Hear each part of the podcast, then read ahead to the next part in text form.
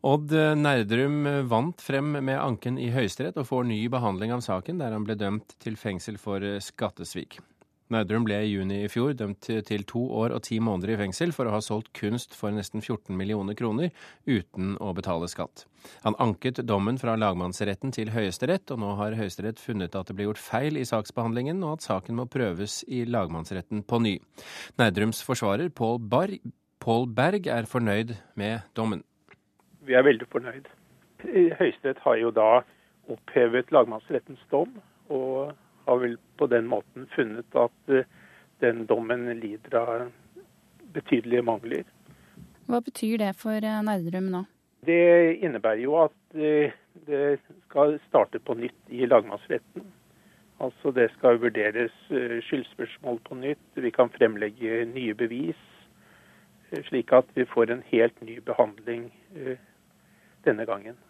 Pga. lagmannsretten ikke har trodd på, på Nerdrums forklaring, så har vi innhentet eh, ytterligere bevis som underbygger hans forklaring. Det sa Nerdrums forsvarer Pål Berg. Statsadvokat Erik Førde var aktor i saken mot Nerdrum. Han er uenig i Høyesteretts beslutning, men tar dommen til etterretning. Påtalemyndigheten tar til etterretning at Høyesterett ikke har vært fornøyd med lagmannsrettens begrunnelse for sitt uh, domsresultat. Dere fikk uh, ikke medhold uh, i Høyesterett. Hvor overraskende var det? På bakgrunn av forhandlingene så, så, var det ikke helt, helt uventet. Som jeg sa i, i skranken, så, så mente jeg at begrunnelsen var god nok. Eh, nå konstaterer jeg at Høyesterett ikke er enig med meg i det. Og det var Ida Kvittingen som hadde snakket med disse to. Nå skal altså Nerdrums sak på nytt behandles av lagmannsretten. Kulturredaktør i Dagbladet Geir Ramnefjell, eh, ser du på dette som en seier for avisen? Eh, det er i hvert fall resultatet av et veldig godt stykke journalistisk arbeid av to reportere hos oss. Ehm, for, for, de som ikke husker helt hva den saken dreide seg om, kan ikke du kort eh, rekapitulere? Nei, altså ehm, vi eh, bestemte oss for eh, i, tidlig i fjor høst å gå denne saken litt nærmere etter i sømmene. Og satte av tre måneder hvor vi eh, undersøkte fakta i saken, og hvor vi fant fram dokumentasjon som, som Høyesterett sin beslutning eh, nå virker som har tatt eh, eh, til etterretning, og som har helt klart vært avgjørende for, for det utfallet som skjedde i Høyesterett i dag. Hvilke opplysninger var dette?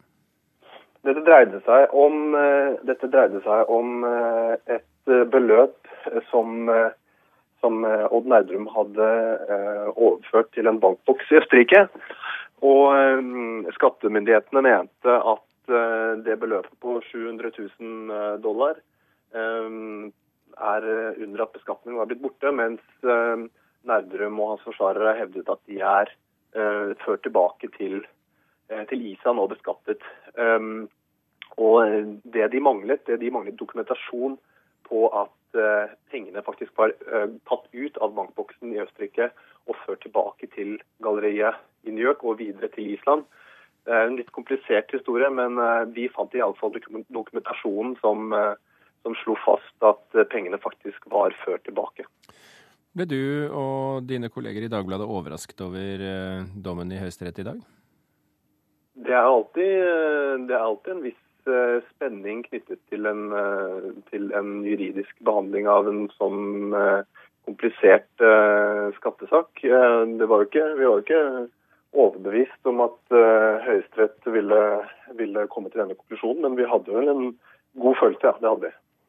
Geir Ravnefjell, uh, tusen hjertelig takk for at du kunne være med i uh, Kulturnytt nå i ettermiddag. Agnes Moxnes, kulturkommentator her i NRK. Betyr Høyesteretts opphevelse av dommen at Nerdrum kan nærme seg en frifinnelse? Nei, det betyr det ikke. fordi det var jo det som var oppe i, i Høyesterett. Det var jo ikke en behandling om hvorvidt han er skyldig eller ikke.